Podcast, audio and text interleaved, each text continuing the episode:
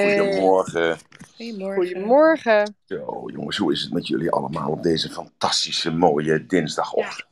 Daar hebben we het net over. Dat het Oh, zo'n vertel. heerlijke dag is vandaag weer. Nou, de zon maakt heel dag. Een veel. mooie dag. Het is natuurlijk elke dag mooi natuurlijk. Laten we dat eens even vooropstellen natuurlijk. Ja, Absoluut. dus, eh, absoluut.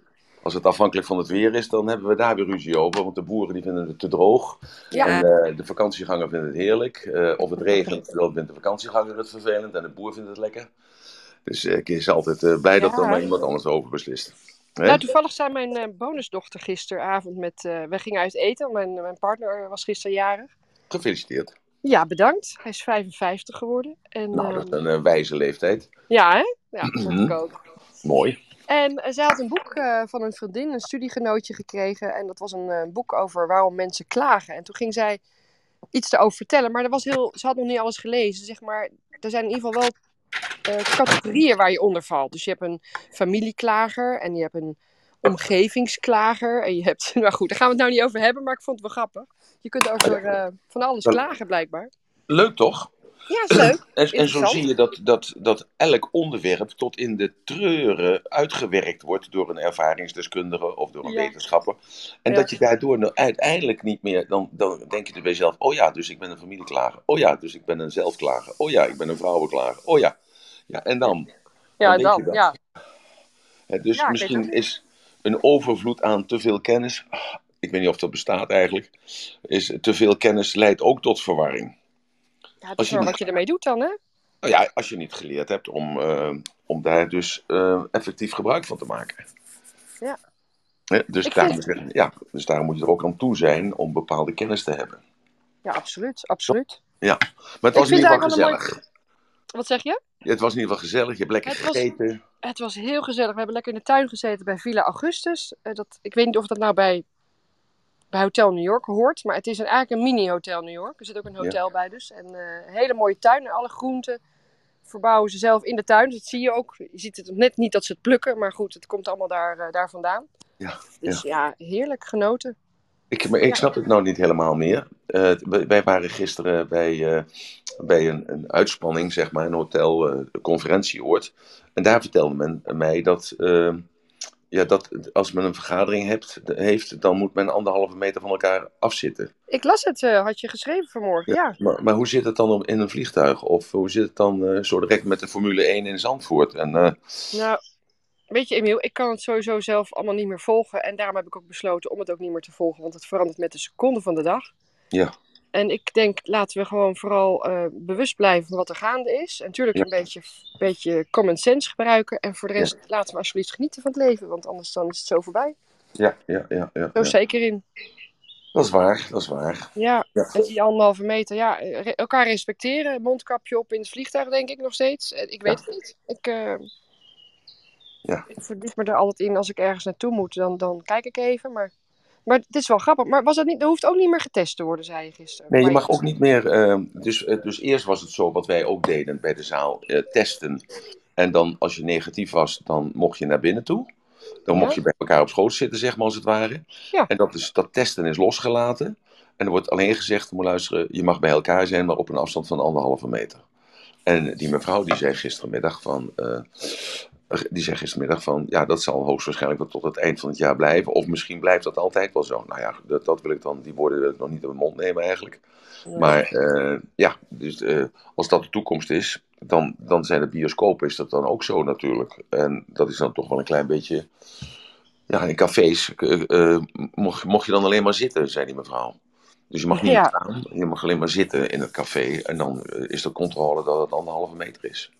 Ja, maar in een bioscoop is dat natuurlijk lastig. Eh, Vooral als je natuurlijk maar een halve zaal kan, nog niet eens een halve zaal kan vullen. Want dan zullen er twee stoelen vrij moeten blijven.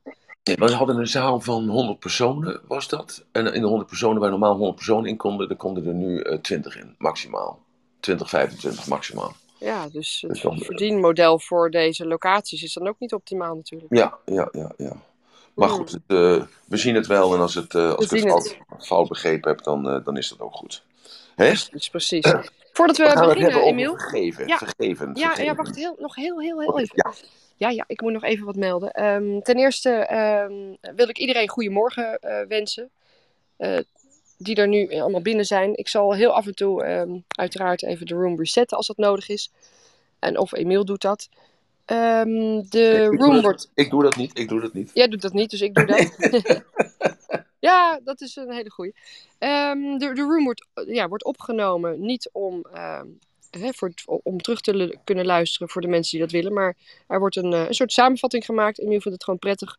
Er worden ontzettend veel mooie dingen gezegd. Het zou zonde zijn als we die ja, hè, laten vervliegen. Dus het is eh, puur voor, nou, voorlopig voor eigen gebruik. En wellicht dat daar dus een, eh, ja, een samenvatting van komt. Of een vorm van een blog, hoogtepunten die eruit gehaald worden. Dus je hoeft je geen zorgen te maken. Dit wordt niet online gezet. Eh, het onderwerp van vandaag, ja, vergeving. Eh, ik vind het persoonlijk een heel, heel mooi onderwerp. En eh, nou, daar, daar, daar gaat Emiel alles over vertellen. Mocht je nou op een gegeven moment het idee hebben: hey, ik heb hier een vraag over, je hebt een suggestie, je wil zelf iets delen, een ervaring, steek dan even je hand op. Dan halen we je naar boven. En zodra het dan kan, eh, dan geven we je de ruimte om, eh, om dat verhaal of die vraag te stellen. Eh, en rondom nu of tien, zo, rond de klok van tien, dan doen we de handjes uit. Dus schroom niet om naar boven te komen.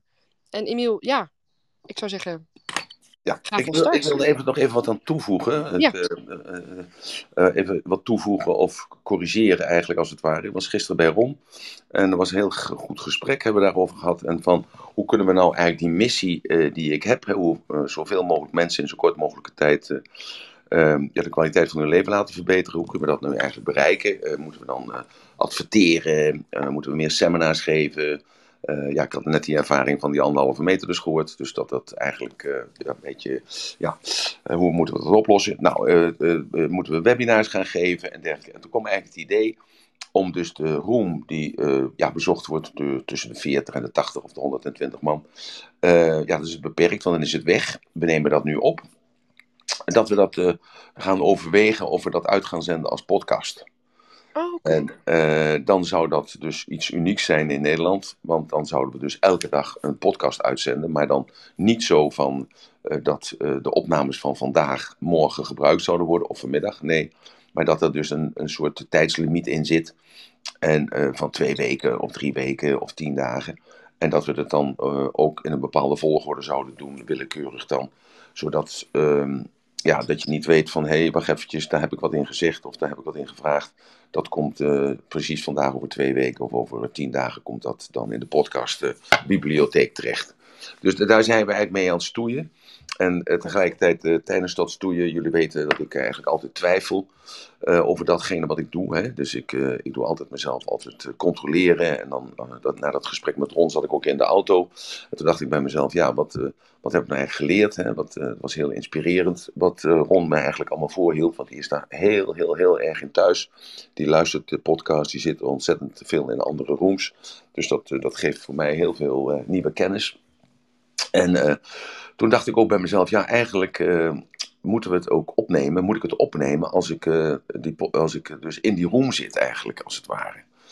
En eh, ja, dat, heb, dat heb ik ook even besproken met, met Ron. Van, dat zou misschien een visuele stukje erbij zijn. wat, je, ja, wat dan ook nog uitgezonden zou kunnen worden op de een of andere manier. Ehm, ja, daar hebben we even over gesproken.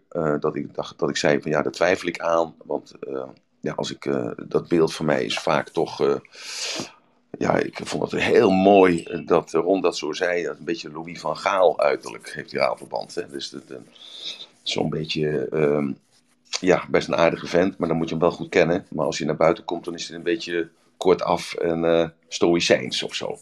Dus, dus, hij- dus niks is onbesproken gelaten. En ook met Annemiek heb ik het er even over gehad. En eh, daarvoor eigenlijk. En, eh, dus we houden even alles open. Oké, Dus ja, dat was mij, eh, dat Ja. had ik nog niet meegekregen. Dus Ja, ja, ja. Nee, maar fijn dat je het even benoemt. in dat appje gezet, dacht ik naar jullie, naar het team. Dus dat we dat ook opnemen, overwegen om straks misschien iets op te nemen, visueel, zodat we dus die beelden dan kunnen gebruiken. Dus, dus we zijn wel heel actief bezig om, ehm, ja, om het te verbeteren. Eh, verbeteren in de kwaliteit en verbeteren in de kwantiteit. Dus meer mensen te kunnen benaderen. En eh, ja, dus ik heb dat vanochtend in dat appje gezegd voor het team. Van ja, we moeten nog iets doen voor, eh, voor het team zelf. Daar moeten we even over praten en over denken. En hoe we dat moeten invullen. En dan ook dat seminar wat dan gepland is op 11, oct- eh, 11 september. Dus de vrijdagavond en dan de zaterdag. Daar moeten we even, ook even over praten of dat haalbaar is. Omdat ik eh, ja, denk en ook gehoord heb van die mevrouw eh, in, die, eh, in dat congrescentrum. Van dat heel veel mensen eigenlijk ja, geen, pla- geen plannen maken op lange termijn. dus geen plannen maken over vandaag, Ja. over vier weken of zes weken. En ik Ja, denk door, dat- door de coronasituatie. Ja. Ja. ja, ja, ja, want er is natuurlijk heel veel onzekerheid. precies. Nou. Dus dat, dat we even, te- eh, het even herhaald hebben, of even uitgesproken hebben. Ja, Goed, fijn. fijn. Ja, dan hoop ik dat dat ook duidelijk is. Mooie plannen allemaal, Emiel. Ja, ja, nou ja, goed. Ja, plannen nog niet concreet, maar wel eh, in Ja, gesprek. ideeën, eh, ja. ideeën. En eh, zo weet iedereen dan ook dat het niet stilstaat. We hebben het van de week gehad over verandering. Niet elke verandering is een verbetering, maar wel is elke verandering een beweging. En wat weer een nieuw referentiekader creëert. En vanuit dat nieuwe referentiekader kun je dan weer anders leren denken, of anders kunnen denken, waardoor je weer een andere kant op kunt gaan. En dan uiteindelijk na heel veel correcties kun je dan misschien het ideaalbeeld voor dat moment, voor die dag, voor dat tijdstip, kun je dan bereiken. Wat weer een referentiekader is voor de volgende dag. Zo, en eh, ja, nou eh, kan ik niet zomaar snel een bruggetje maken naar vergiffenis of vergeving. Nou, ik Eh. zat te denken aan, die, aan dat klagen net waar we het net over hadden. Dat is Oh, altijd een mooi bruggetje. Ik weet niet of het... Maar ik heb het niet helemaal gevolgd, want ik kwam er dus in eh, dat je allerlei soorten klagers had.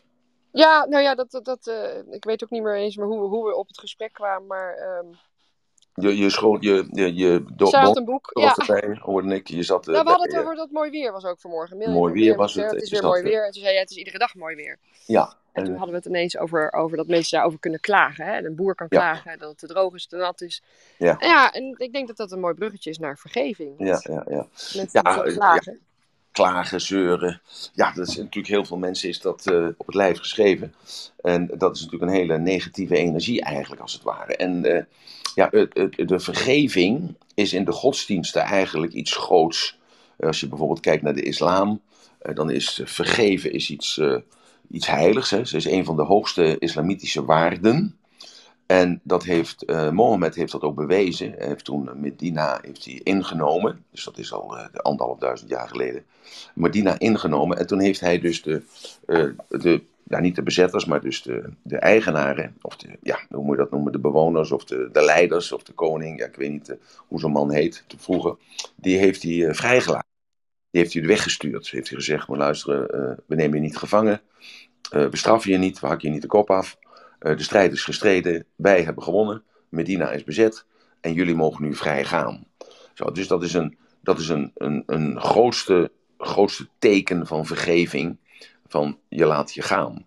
En als je kijkt naar Jezus bijvoorbeeld, hij hing aan het kruis. En hij vergaf het hen, want zij weten niet wat zij doen. Hè, dus Kyrie het is volbracht. En vlak daarvoor heeft hij hen vergeven die hem gekruisigd hebben, omdat zij niet weten wat zij doen.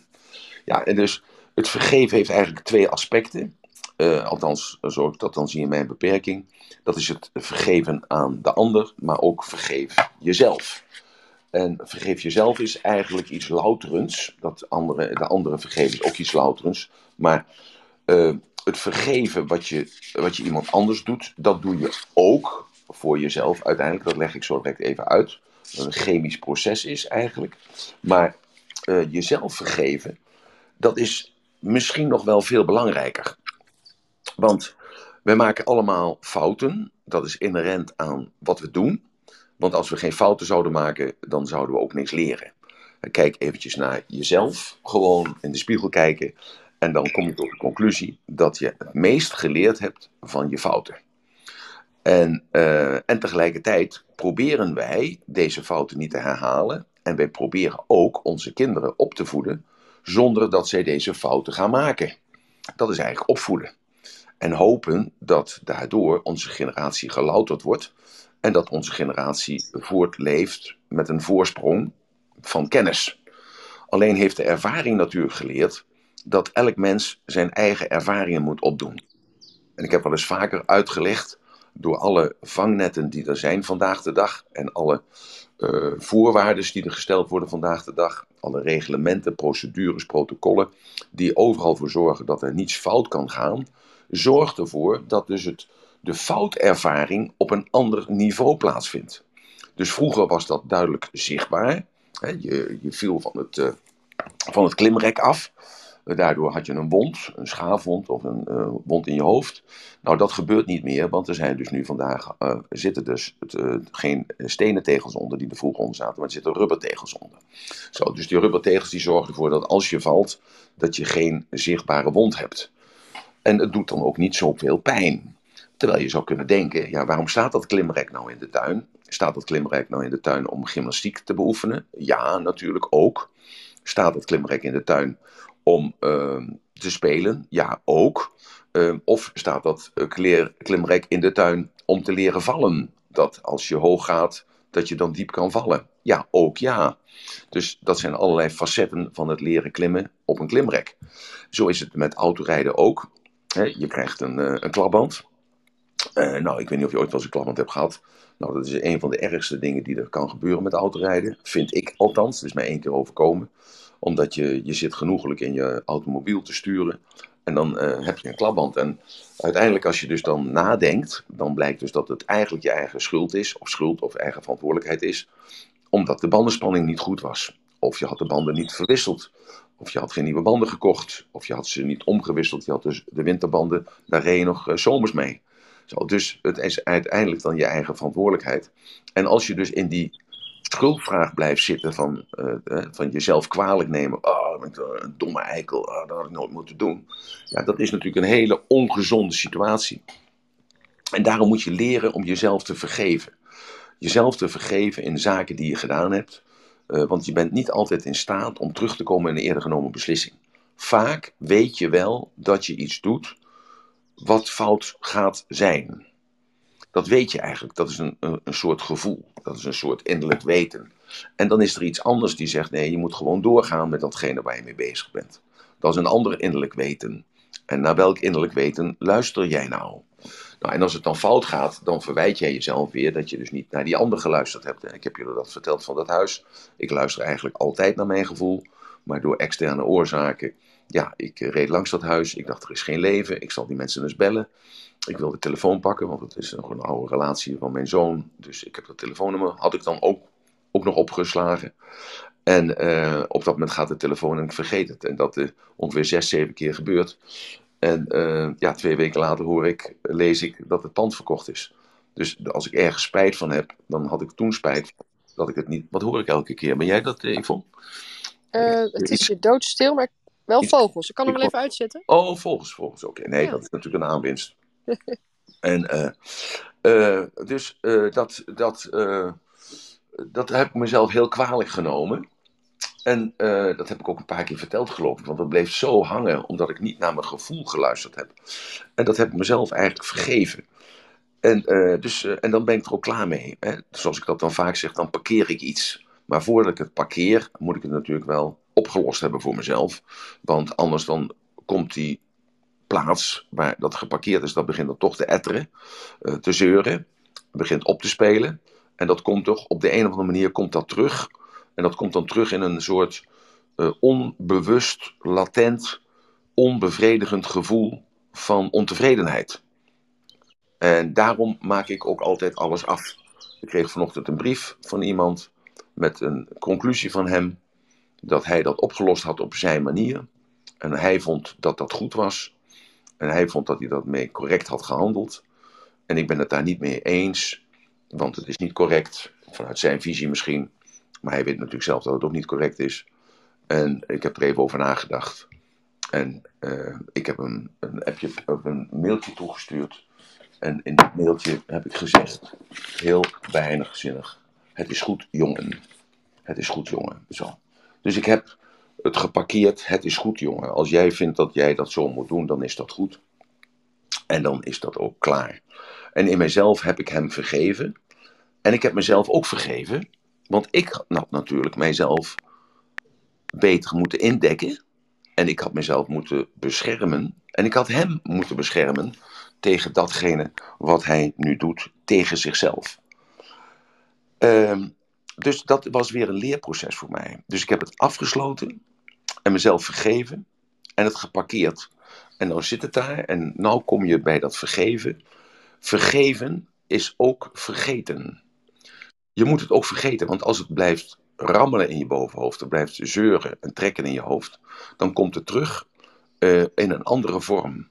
En dan ga je het jezelf kwalijk nemen en dat is een hele ongezonde mentale, maar ook een fysieke ervaring. Dus niet alleen mentaal, maar ook fysiek. Want dat negatieve mentale gedachte, dat zeuren, dat uh, blijven herinneren aan iets negatiefs, dat is een soort verzuringsproces. En dat verzuringsproces, dat slaat in je lichaam. Ik weet niet of dat echt zo is, maar ik geloof dat dat zo is. Want als ik kijk naar andere mensen, en ik kijk ook naar mezelf, hè, ook daarin, dat zijn de dingen die ik niet afgemaakt heb, niet heb vergeven de ander, niet heb vergeven de ander en daardoor heb geparkeerd, maar ik heb dat in mijn hoofd gehouden, dan blijf ik daar kwaad over. En dat kwaad, dat is een negatieve emotie, want die kwaadheid zorgt ervoor dat er een soort, en ja, niet een soort, ja, er komt adrenaline vrij, want bij kwaad zijn moet je vechten. En als je dus dan niets doet, fysiek, dus je maakt dus niet die fysieke beweging waar die adrenaline voor uh, is gecreëerd, hè, heb je zelf dus door dat kwade, heb je dat ge, gemaakt. En je verwerkt dat dus niet door middel van die beweging van vechten of vluchten, dan slaat die adrenaline slaat op in je lichaam. Klinkt heel logisch, ja. Ja, en dat slaat op, want je, je scheidt dat niet af. Je scheidt dat niet uit.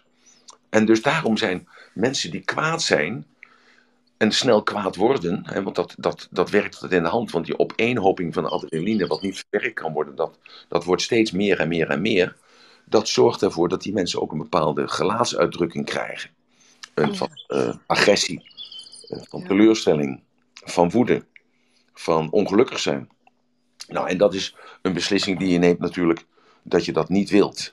Althans, die beslissing. Vraag je, Emiel, als ik je mag ja. onderbreken. Ja, ja. Nou, ik snap heel goed, en iedereen denk ik wat jij precies nu zegt, maar stel nou, je hebt het niet van jezelf door en je bent een, je geeft jezelf, um, ik, laat ik een voorbeeld noemen, uh, met tennissen. Ik heb een meneer met tennissen die tijdens het tennissen bestraft hij zichzelf continu. Ja. Elke bal die niet goed gaat, jeetje, sukkel, en weet je, dat soort dingen. Oh, ja. hè, verdomme, of hij, nou ja, of hij gooit, ja, ja, ja. Hij gooit nog net zijn racket niet op de grond, maar het, het is wel, aan de lopende banden hoor je hem klagen. Ja. Maar ja, dan, dan uit hij zich fysiek weer wel. Of tenminste... Juist, maar dat is een... Hij is in beweging. Hij...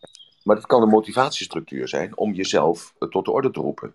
Dat je kwaad bent op jezelf. Ik heb die bal gemist. Dat ik net niet even dat runnetje heb genomen. Dus het kan zijn van... Zo, de andere... ja, ja, ja. ja, ik denk dan, oh, zo'n man doet dat misschien wel de hele dag. Als ik hem zo op de tennisbaan ook. zie, denk ik, nou...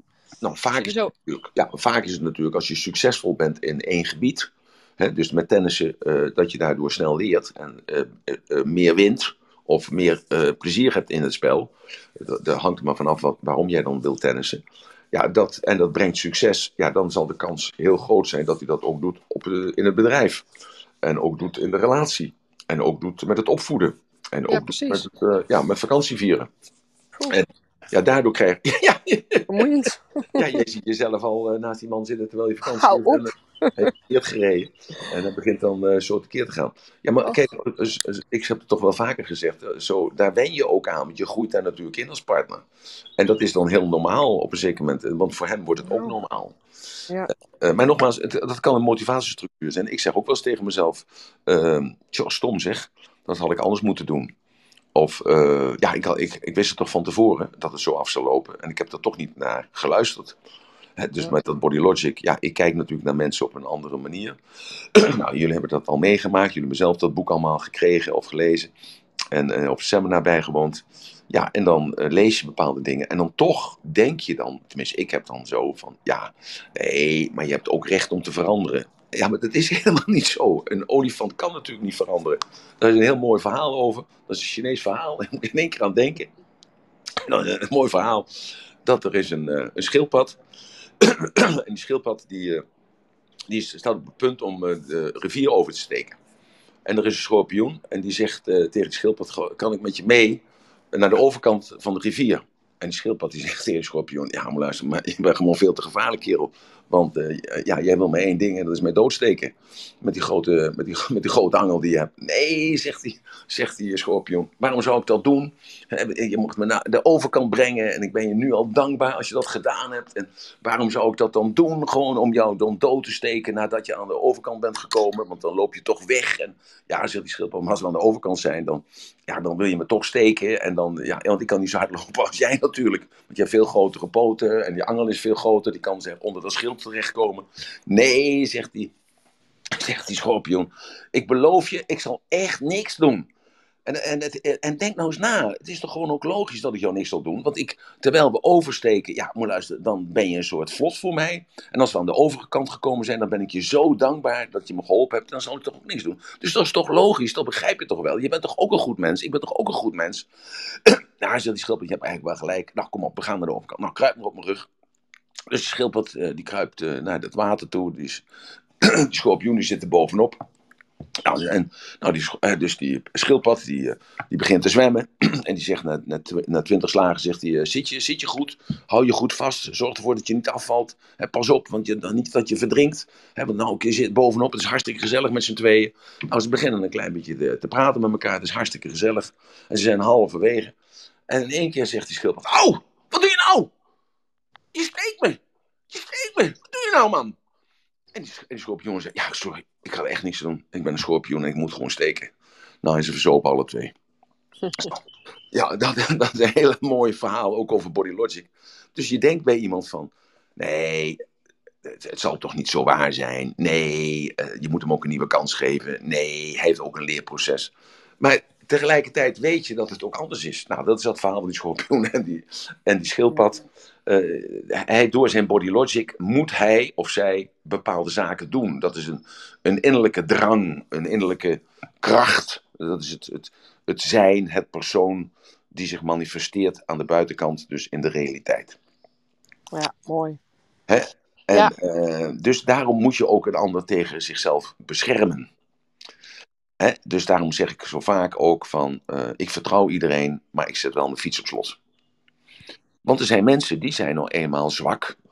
Die hebben geld nodig omdat ze ja, verdovende middelen nodig hebben, of drank, of uh, ze zijn gewoon, uh, hebben geen baan, of uh, ze vinden gewoon dat andere mensen zo rijk zijn dat ze een fiets kunnen hebben, dus dan kunnen die fiets ook wel even lenen aan mij. Ja, zo zijn er allerlei rechtvaardigingen voor hun onvermogen te bedenken. Maar ondertussen ben jij je fiets kwijt. En mm. uh, ja, dat, dat zie je ook vaak vandaag de dag. Je, je rijdt als automobilist rij je op de voorrangsweg. Je rijdt door een uh, groen licht. Dus je hebt voorrang uh, op twee, ja, op, twee keer recht op voorrang. Er komt een fietser aangereden. En die steekt zijn twee vingers op of zijn middelvinger op. En ja, die, die maakt een, een draai. En die, die, jij moet op de rem staan. En je denkt bij jezelf, ja, maar luister, hadden ze gas gegeven, was je dood geweest. Maar ik moet toch eventjes, ik vind het, het leven is toch wel waard om geleefd te worden. En ik zeg dan ook tegen mijn kinderen altijd van, je kunt wel voorrang hebben, verdienen, maar je moet altijd defensief rijden, want je moet rekening houden met het feit dat andere mensen fouten kunnen maken. En dat zie je heel vaak dat mensen dat niet doen, want ze hebben een recht. En dat recht, dat is, ik heb recht om op de zebra te lopen, dus ik loop rustig aan. Ze vergeten daarbij dat er mensen zijn die haast hebben, die daardoor misschien agressief worden, die daardoor misschien op de toeter gaan staan, of misschien gas geven en die persoon van slag rijden. Hetzelfde is met fietsers op rotonde. Ja, die denken bij zichzelf: ik heb voorrang, ik uh, fiets die rotonde om. Die uh, automobilist moet rechtsaf of linksaf. Uh, die kijkt wel om, maar die ziet niet juist, want die fietser heeft toevallig van geen lichtje aan. Of ja, die, die doet het niet of die belt niet. die heeft ook nog een donkere kleding aan. Die zie je niet aankomen en klabats, het ongeluk is daar. En de fietser had gelijk, maar de fietser ligt in het ziekenhuis en jij hebt een schrammetje op je auto. Dus het beter is dat om te voorkomen, beter uit te kijken. En dus daarom defensief te rijden. Dan hoef je jezelf ook niet te vergeven dat je iemand anders wat aangedaan hebt. Of mhm. jezelf te vergeven dat je dus geen rekening hebt gehouden op de fiets of als voetganger. Dat een automobilist ook een fout kan maken. Hoewel je dan wel gelijk hebt. Maar jij ligt met twee gebroken benen. Of nog erger in het ziekenhuis of in het moratorium. Ja. Zo, dus ja. dat is eigenlijk maar ja, soms maken we die fouten, dus uh, fouten, we maken fouten en daar leren we dan weer van, zeg jij. zei je net. Dus dat, dat is soms natuurlijk ook lastig eh, om, dat, eh, om, dat, om dat vooraf eh, allemaal te bedenken. Mhm. Ja, je moet het pro- proces begrijpen. En Ja. het proces begrijpt dat je dus een beslissing neemt, eh, rationeel, dus een overweging. Of je neemt een beslissing emotioneel. Dus Ja. in woede, of in liefde, of in eh, plezier, of in een optimistische bui. En eh, als je al ingebouwd hebt voor jezelf dat je altijd terug mag komen op een eerder genomen beslissing, dat is een overtuiging, Mhm. dan maakt het dat al makkelijker voor jou. Want eigenlijk op dat moment is het al gerechtvaardigd om die afspraak die jij gemaakt hebt in je eh, woede of in jouw plezier of in je overenthousiasme, eh, om daarop terug te komen. Dus dat, dat mag altijd voor jezelf. Dus daar zit al ingebouwd van, dat is oké, want ik heb die vrijheid. Hè. Ik, ik had een vriendje, dat heb ik al eerder verteld, die dacht altijd 24 uur na voordat hij de definitieve beslissing nam. Ik heb dat verteld dat we een Ferrari konden kopen, een Ferrari gingen ko- kopen voor hem. En eh, nou, we kwamen bij Kooijmans en eh, daarin, eh, dat is een hele mooie winkel in Hilversum. Daar stonden dus een aantal Ferraris. Nou, we reden in een, ja kijk, weet in een Dino geloof ik, in een Daytona, en een vier, ik, ik ken die nummers allemaal niet. En in ieder geval, ik, vond, ik vind de Ferrari vind ik niks aan. En eh, uiteindelijk had hij er dus dan één uitgekozen. Ik zeg, eh, nou, ik zeg, dan moet je even over de prijs handelen natuurlijk, Joop. Nee, zegt Joop, ik moet er eerst over nadenken of ik hem neem. Ik zeg, ja, hij is toch hartstikke mooi, man? Nee, zegt Joop, ik moet er eerst over nadenken. Ik zeg, maar ja, ik zeg, wat wil je dan? We zijn hier naartoe gegaan, we hebben zeven testritten gedaan. Ik zeg, die man heb je de hele dag bezig gehouden. Die heb je, ze moesten, weer, ze moeten al die auto's weer poetsen. Hij zei, nee, ik moet er gewoon even over nadenken. Ik zeg, neem nou een beslissing. Dan is die kerel ook, eh, ook beloond voor zijn inspanning. Nee, ik moet er even over nadenken. Nou, dus hij dacht erover na. De volgende dag belde ik op. Ik zeg, en Joop, welke is het geworden? Heb je een beslissing genomen? Hij zegt, nou, zegt hij, maar luisteren. Mijn Skoda, die rijdt eigenlijk best. En die brengt me overal waar ik naartoe wil. Dus ik koop geen Ferrari. Ik zeg, ja, maar ik zeg, je koopt toch geen Ferrari in plaats van een Skoda? Nee, zegt hij, die Skoda is best zat en eh, ik koop geen Ferrari. Nou, datzelfde gebeurde ook nog een keer met een Rolex. Nou, je kunt je voorstellen, eh, we zijn nog een half Ik ga zo eventjes, eh, als het mag, de room even resetten. Inmiddels al een tijdje geleden. Maar maak deze nog even af. Als je... Nee, nee, nee, dat, ga maar. Dus het schijnt niet Ja, maar vind je dat goed? Ja, want er zijn wat nieuwe mensen bijgekomen. En, Ja. eh, En wat doe je dan? Wat, wat doe je dan met resetten? Wat doe je dan? nou, ik wilde in ieder geval even de mensen die nieuw binnen zijn gekomen, dat, dat het onderwerp vergeving is. Dat staat natuurlijk in de titel. Dat is eh, absoluut waar. Ja. Maar eh, ik wilde wel vragen of jij straks nog even terug wil komen op die, op die ehm, eh, eh, hoe noem je dat nou? Die chemische processen. Want eh, we rollen van het een in het ander. Dit is een heel mooi verhaal, of mooie voorbeelden. Maar ik was even nieuwsgierig of jij daar nog iets over kon vertellen. Over die, eh, wat er gebeurt met je als je, als je Maar jezelf reset, niet vergeeft. reset, maar eerst, reset eerst maar even dan. Ja, nou dat, eh, dat, heb ik, dat heb ik net gedaan. De mensen die nieuw zijn, wil, heb ik goedemorgen gewenst Ja. bij deze. Oh, dat is Ehm, resetten. Oh, nou ja, ja de nieuwe mensen even welkom heten. En, Oh. eh, maar niet alleen dat, ook even vertellen dat er, eh, als je tijdens het, het, de, de mooie gesprekken met Emiel, als je daar vragen over hebt of suggesties, ook even uitnodigen dat ze, hè, dat ze naar boven kunnen komen. Dus voor de mensen die straks een vraag hebben, eh steek je hand op. Dan zetten we je hier bij- op het podium. Ja. En dan kunnen we zo een aantal mensen ook aan het woord laten. Oké, even over het chemische proces. Die Rolex, die vergeten we dan eventjes, die aankoop van die Rolex, vergeten we gewoon even. Het, het gaat erom dat je dus, een, als je een bepaald gevoel hebt, eh, dat is een chemisch proces in je lichaam. Er staan allerlei, eh, ja, ik kan die namen natuurlijk allemaal niet uit mijn hoofd, want ik ben daar niet eh, voor wetenschappelijk voor onderlegd. Maar elk gevoel is een chemische reactie. En die chemische reactie, die zorgt voor een bepaalde beweging, een trilling, een verstarring, een, een, verwarming of een verkilling in je lijf. En daarom zeg ik altijd, een emotie, een gevoel, is een etiket op een lichamelijke sensatie. En dat is natuurlijk een van de eerste zaken die je moet doen bij jezelf. Van, ik ben kwaad, maar hoe voelt dat nu eigenlijk? En waar voel ik dat nu? Ik ben blij, waar voel ik dat nu? Hoe voelt dat? En waar ben ik dan mee bezig? En dan heb je de keuze, wil ik kwaad zijn of wil ik blij zijn? Als je dus dat weet. En als je dat weet van waar dat gevoel zit, op welke plek, want het schijnt dus op de een of andere manier zo te zijn dat kwaad zijn op een andere plek zit als blij zijn, eh, dat je dus dan daar naartoe kunt gaan, naar die plek van blij zijn. En dan komt de vraag voor je eigen verantwoordelijkheid, dat is namelijk, hoe wil ik mij voelen? Hoe wil ik mij voelen? En dat, dat is een vraag die je jezelf gewoon moet stellen. En dan, dat antwoord is dus naar die plek gaan waar ik mij blij voel. dat wil niet zeggen dat je dan naar het kerkhof moet gaan, of naar de bioscoop, of naar een plaats die jij geassocieerd hebt met dat blij zijn. Nee, je gaat dus naar die plek in je lichaam.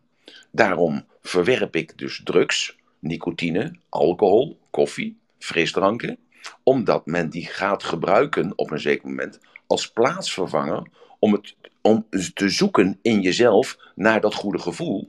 En je grijpt dan naar de fles of naar de koffiekan. Of naar een, eh, een, een, een, eh, hoe heet dat, een sigaretje of een, eh, of een, druk, een, een pilletje of zo. Om je goed te voelen.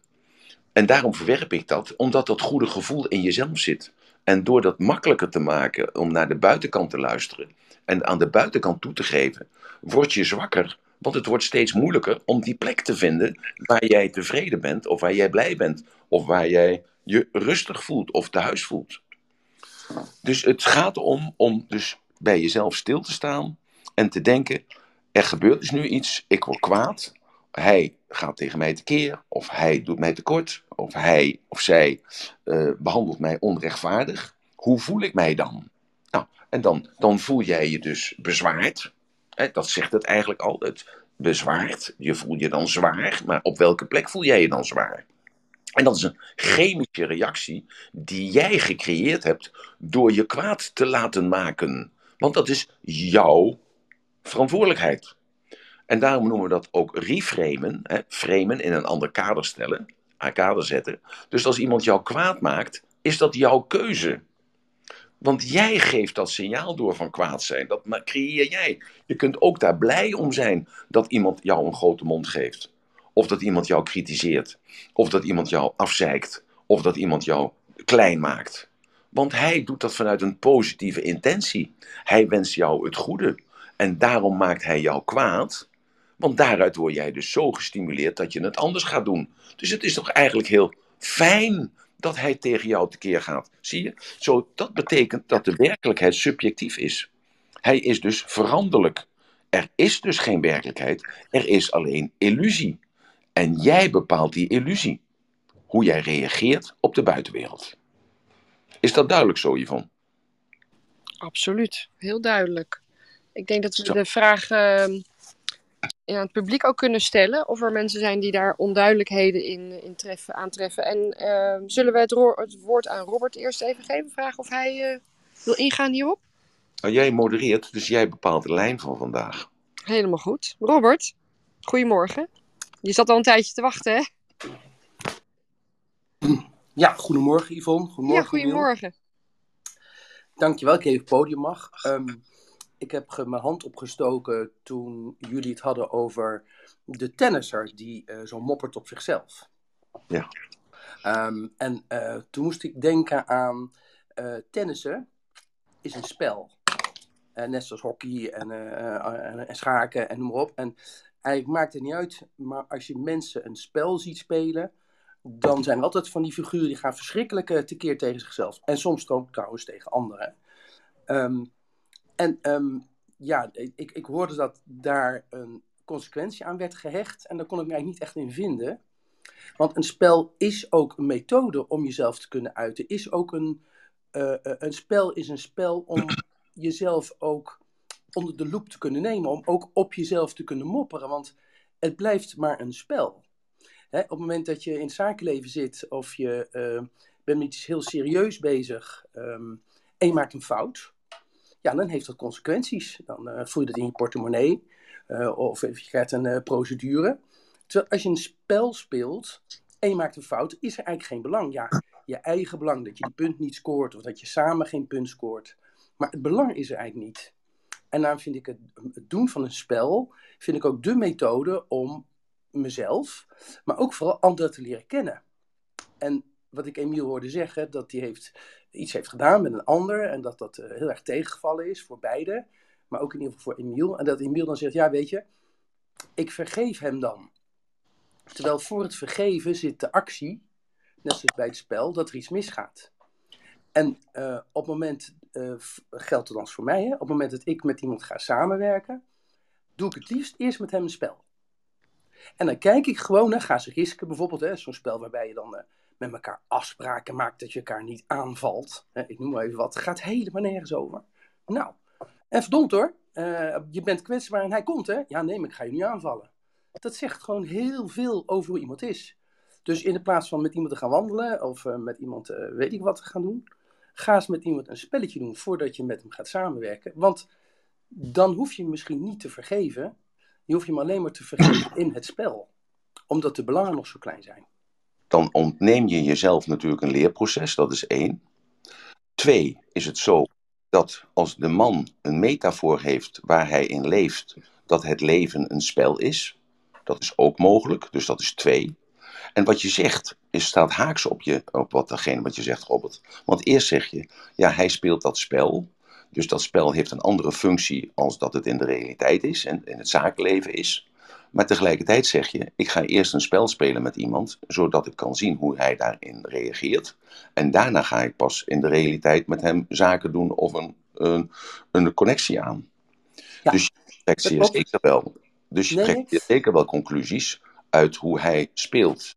En, en, en Yvonne die vertelde dat gewoon als eh, objectief, eh, objectieve toeschouwer of als deelnemer aan het spel. Dat zij zich daar eh, als het ware zich afvroeg, is dat nou wel zo productief voor hem om zichzelf zo te kastijen? Dat was eigenlijk de vraag van haar. Heb ik dat Ja. goed zo gesteld, Yvonne? Ja, dat klopt helemaal. Zo. Dus Ja?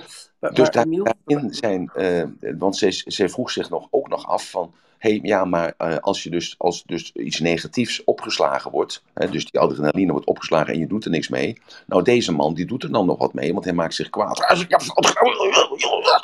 Zo. En dan daarna dan slaat hij nog harder tegen die bal, terwijl hij juist misschien eh, wel overwogener iets zachter had moeten spelen, want daardoor kon hij beter richten met die bal. Zo, dus, de, dus er zijn natuurlijk allerlei facetten in. Dus die metafoor, als je het leven als een spel ziet, zijn heel veel mensen die zien dat zo. Ja, die, die maken zich heel snel erg kwaad erover. Maar dat hoort bij het spel. Of ze zijn heel diep bedroefd, dat hoort dan bij het spel. Dus dat is hun rechtvaardiging. Daarom is die eh, metafoor, die metaforica, eigenlijk zo belangrijk. eh, waar jij dan, denk ik, probeert achter te komen als jij eerst een spelletje speelt met iemand. En ik, ik hoor heel goed wat jij zegt hoor. Want ik heb ook wel eens gedacht bij mezelf van... als ik nou een nieuwe relatie begin... dan ga ik eerst twee uur zeilen met die, eh, met die, met die, met die mevrouw. En dan, dan, eh, dan weet ik precies hoe dat gaat. Of we samen kunnen werken. Of dat eh, zij het initiatief neemt. Of gepast wacht. Of juist over, overroelt of zo. Dus ik, ik begrijp heel goed wat je zegt Robert. ja, want voor de goede orde, ik zie het leven dus niet als een spel. Absoluut niet. Nee. Eh, maar ik zie wel dat mensen zich in een spelletje veel meer durven te veroorloven. Dus als ze tennissen of als ze risken of schaken of wat dan ook. Weet je, dat ze wat makkelijker proberen eh, als ze zo zijn om de regeltjes aan te passen. Ja. Eh, of misschien ook eerder hun emoties laten zien. Klopt. Ehm, en meestal is het, dat is mijn ervaring althans zo, als ze dat in het spel zo doen. En het wordt wat moeilijk op het moment dat het geen spelletje meer is. Ja. Dat ze dan dezelfde reactie vertonen. Maar dat klopt, dat heb ik ook gezegd door de, te zeggen van eh, dat, ehm, hoe heet het, als het, het, de strategie goed bevalt in de ene context, neem je de strategie mee naar een andere context. Dus als de strategie past door tekeer te gaan, zenuwachtig te worden, jezelf tot de orde roepen in het spel, dus tijdens het tennisspel, en daarmee heb je het gevoel dat je controle krijgt en dat je wint. Je wordt ook nog beloond. Dus je krijgt de prijs en je staat bovenop het schavot. Dan is de kans heel groot dat je dat dus ook in de, in het, eh, in de realiteit doet. Dus in, het, eh, in de dagelijkse bezigheden doet. Dus, en daarom is het zo fijn om als je zaken met elkaar doet, of je een relatie met elkaar, eh, bepaalde tijden eh, in een stressvolle situatie te komen met elkaar. Want dan komt de ware ik naar boven. Dat is eigenlijk een beetje toch waar je naartoe wilt. Eh, Robert, of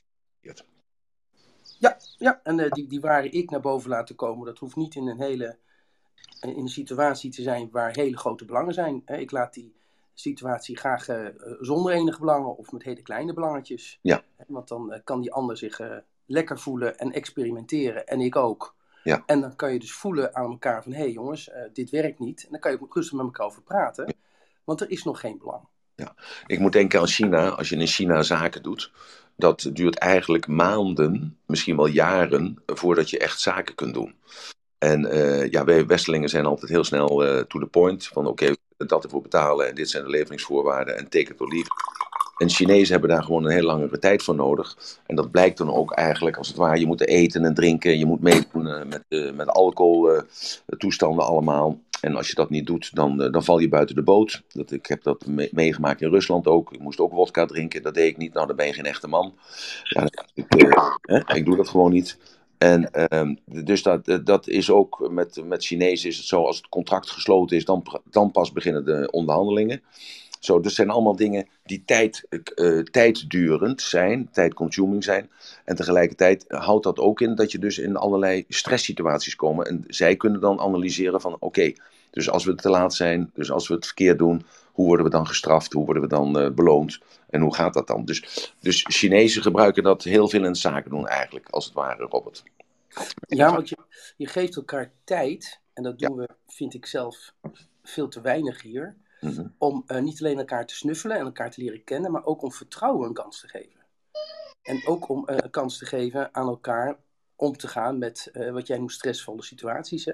Maar een stressvolle situatie wordt opgelost door wat daarboven hangt, boven de situatie. En dat kan zijn, ja, maar weet je, ik weet hoe hij is als het erop aankomt. Als, als het erop aankomt, ja. weet ik dat hij voor de weg kiest die ik ook zou kiezen. Of ja. die er parallel aan loopt. En, en daardoor, hè, dat vertrouwen kan jou ook uh, door vervelende situaties heen helpen. Ja. En daarom is het toch altijd nog zo, de man maakt de tent. Hè? Altijd. De man maakt de tent. En uh, dat, dat voel je als klant, voel je dat, of als relatie voel je dat. En dat, dat is in de tijd groeit dat. Ja, maar er is vandaag niet zoveel tijd meer voor nodig. Ik denk, Robert, dat we het helemaal met elkaar eens zijn. Ja, ik heb uh, een, een, tijd mogen werken met Eckhart Winsen. Dat is de, ja. degene die BSO opgericht heeft. Ja. Hij heeft trouwens al hele leuke boekjes geschreven. Voor, voor luisteraars die dat mm. leuk vinden, zoek het eens op. Ja. Uh, Eckhart Winsen Notes bijvoorbeeld, uh, heel leuk. Um, en ik leerde hem kennen als iemand die nogal afstandelijk was. En eigenlijk een vervelende man. Met een baard en haar en een beetje ja. hippie. Ja, en um, nou, uiteindelijk um, zijn wij een aantal projecten zijn we gaan doen. En daarin zocht hij ook echt de toenadering. Dus hij besprak ook dingen die niet nodig waren om vooraf te bespreken. Ja. Um, en dat vond ik wel leuk. En vervolgens is na een tijd is daaruit ontstaan dat wij gingen praten over uh, het leven en over uh, situaties waarvan ik eigenlijk dacht van ja, die hebben eigenlijk niks met zakelijke te doen. En pas toen we die, die uh, um, fase gehad hadden, um, kreeg ik het vertrouwen voor om echt leuke dingen te mogen doen. Ja. En het aardige is dat op het moment dat je elkaar echt goed kent, uh, kan je ook de dingen doen waarbij je weet dat je uh, die ander daarmee uh, goed doet. Of zijn bedrijf daarmee goed doet. Hè? Dat gaat dus niet over hem persoonlijk. Het ging natuurlijk over BSO. Hè, dat, dat je het zo doet dat BSO, de, de, ja. de onderneming, daar beter van wordt. En dat is ontzettend leuk om te doen. Nee, ik heb samen met hem gewerkt. Dat was begin jaren tachtig. En ik herinner me nog dat hij heel uh, vooruitstrevend was. Want als er twaalf mensen met elkaar werkten, dat team, dan ontstond er een, vanzelf een nieuwe honingraad. Hè. Dan was er een nieuw bedrijfje. Maar er twaalf man of acht man was dat. En dat was dan weer een zelfstandige unit. En zo bouwde hij dat bedrijf uit. Dus hij was wel een beetje een, een, een, een vooruitstrevende idealist met de gedachte van platte organisaties. Ja, hij zag een, een organisatie als een plantje. Ja. En uh, een plantstructuur. En hij zei dan, joh, als je nou zoveel cellen hebt. Ja. Hè, dus hij had een celstructuur. En een cel bestaat uit 50 man. Dus had hij 50 man in Rotterdam. Uh, nou, en uh, dan was die cel dus vol. En dan moesten, als het dan door ging groeien, omdat ze een hele mooie klant hadden. Dan moest die cel groeien. Nou, dat kon dus niet. Dus moest er een nieuwe cel ontstaan. Dus eigenlijk bestond ondernemers uit heel, sorry, eigenlijk bestond BSO uit heel veel ondernemers. En die ondernemers die leiden allemaal een cel. En daarboven stond het, het opperhoofd en dat was Eckhart. Ja, klopt. Ja, ja, ja. En ja, uh, daardoor kreeg je dus in een onderneming met name heel veel ondernemers. Want iedereen klopt. moest zijn eigen cel natuurlijk uh, wel zorgen dat die goed bleef draaien. Maar dat was in de jaren tachtig was dat een, uh, ja, was, was dat wel heel vooruitstrevend. Robert, uh, Robert ja, ik wilde ook net vragen. Ja. is, jouw, is jouw vraag of jou, wilde jij nog, ja, je hebt volgens mij alles denk ik wel helder gekregen bij Emiel. Ja, ik wilde vragen, Robert, of jij nog um, um, een vraag had over vergeving, of in ieder geval over het onderwerp. Nou ja. Um, ben jij uh, voorzien, want anders gaan we zo naar Petra. Ja, nou ja, voorafgaand aan vergeving gaat eerst het kwalijk nemen. En daar zit een wil achter. Dat heb ik Emiel ook net horen zeggen. En het is dus de wil die je hebt om iemand iets kwalijk te nemen, is net zo goed als de wil die je hebt om, het, om dat niet te doen. Uh, dus kwam ik laatst iemand naar mij toe die zegt: uh, Robert, ik vind jou een ongelofelijke lul. En dat zei hij heel boos. En toen zei ik tegen hem, joh, ga zitten, ik haal een kop koffie. Eh, en ik haalde een kop koffie en hij ging zitten. Ik zeg, vertel, waarom vind je mij een lul? En toen hebben we een onwijs leuk gesprek gehad.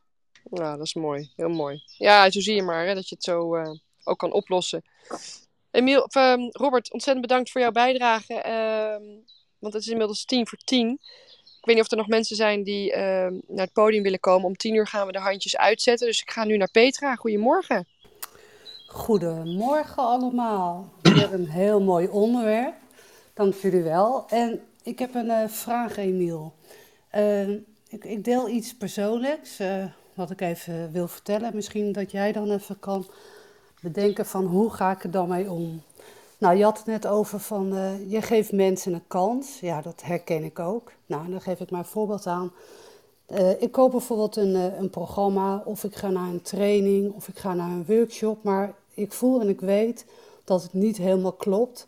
Maar toch geef ik het een kans, want ik heb altijd het gevoel dat ieder mens verdient altijd een kans. Ja. Maar daarna kom ik toch van een koude kermis thuis en dan zegt mijn man, zegt dan, waarom doe je dat verdomme dat toch steeds jezelf aan? Je weet het, het klopt altijd. Ja. En ook van dat mensen, eh, ja, die gaan dan een samenwerking met me aan. En dan weet ik eigenlijk, het, het klopt gewoon van geen kanten. En toch geef ik het een kans. Ja. En het klopt toch niet. En ik weet natuurlijk wel, dat is een leerproces. En eh, mijn eigen drive is altijd dat ik toch altijd vertrouwen in de mensheid heb en hou. Ja. Ja. Dat vind ik een heel positieve eigenschap. Maar ik vraag me dan af, hoe ga jij er nou daarmee om? Nee, Want je snapt ook wel hoe ik in elkaar steek. Dus Ja. hoe ga jij ermee om? Nou, hoe, eh, ik, eh, nou, een hele goede vraag. Want ik denk dat heel veel mensen dat hebben. Dat ze teleurgesteld eh, zijn op, op worden. Terwijl ze eigenlijk van tevoren wel wisten dat het fout zou aflopen. Ehm, ja, wanneer ben je uitgeleerd? Ja, je bent nooit uitgeleerd. Hoeveel fouten moet je maken eh, voordat je dus niet meer in diezelfde situatie komt? Ja, dat ligt bij eh, snel, snelle, intelligente mensen. eh, ligt dat maar één keer. Die doen dus geen tweede keer dezelfde fout bij eh, stomme ezels, zoals jij en ik, eh, ja, doet dat misschien wel 25 keer. Of misschien wel 2000 keer. Eh, ja, dat is zo. Ik accepteer dat van mezelf, dat ik fouten maak. Dat wil niet zeggen dat ik ze probeer te vermijden. Maar ik ga er ook gewoon in, omdat ik vind dat het mens zijn komt op plaats 1. En de, eh, de theorie komt op plaats 2. En ik, zeg, ik stel mezelf altijd de vraag van, eh, mag je je vergissen? Ja, ik mag me vergissen. En als ik mezelf dan vergist heb, ben ik dan kwaad op mezelf. Wat jij dan bent, hè? Je bent dan kwaad op jezelf. Of je man die is kwaad op jou en die zegt, ja, je had het toch zelf wel kunnen weten. En je moet er dankbaar voor zijn dat het je zo voorkomen. Want wie heeft er nou meer last van? Hij of jij? Nou, eh, hij niet. Want hij denkt, ik ben slimmer geweest, ik heb de centen in de zak. Hij niet. Want hij denkt bij zichzelf, eh, zie je wel, mijn systeempje werkt. Ik hoef met eh, weinig moeite, kan ik gewoon de zakken, kan ik mijn zakken vullen met de, de dommigheid van Petra of van Emiel. Ja, dat is misschien ook zo, maar laat het dan maar zo zijn. Dus leg het naast je neer en vergeef het hem.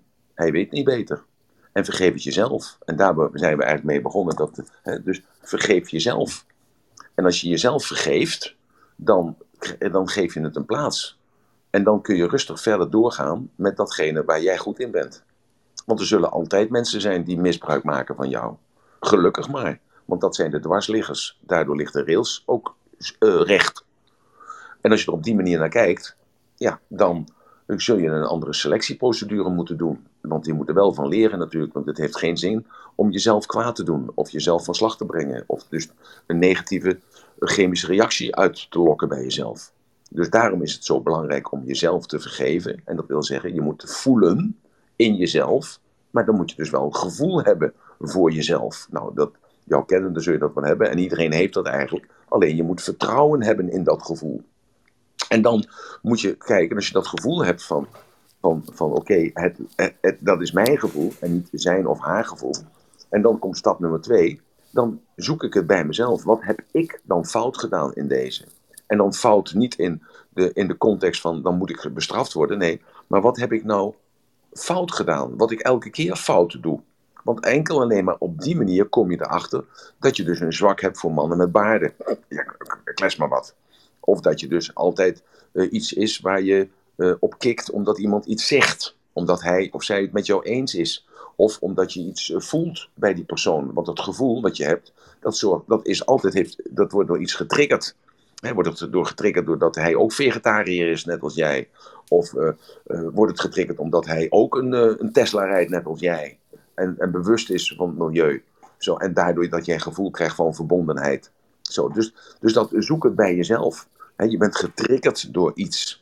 En dat, dat je dat getriggerd bent. Zo, wat kan ik dan leren daaruit? Nou, dan kan ik leren dat als ik dus getriggerd word door een man met een baard. Of, of een vrouw met een bril. Of, of iemand in een Tesla. Of uh, iemand die ronde vormen heeft. Of iemand die op een bepaalde manier kijkt. Of het zijn de kleine dingen natuurlijk waar je naar kijkt.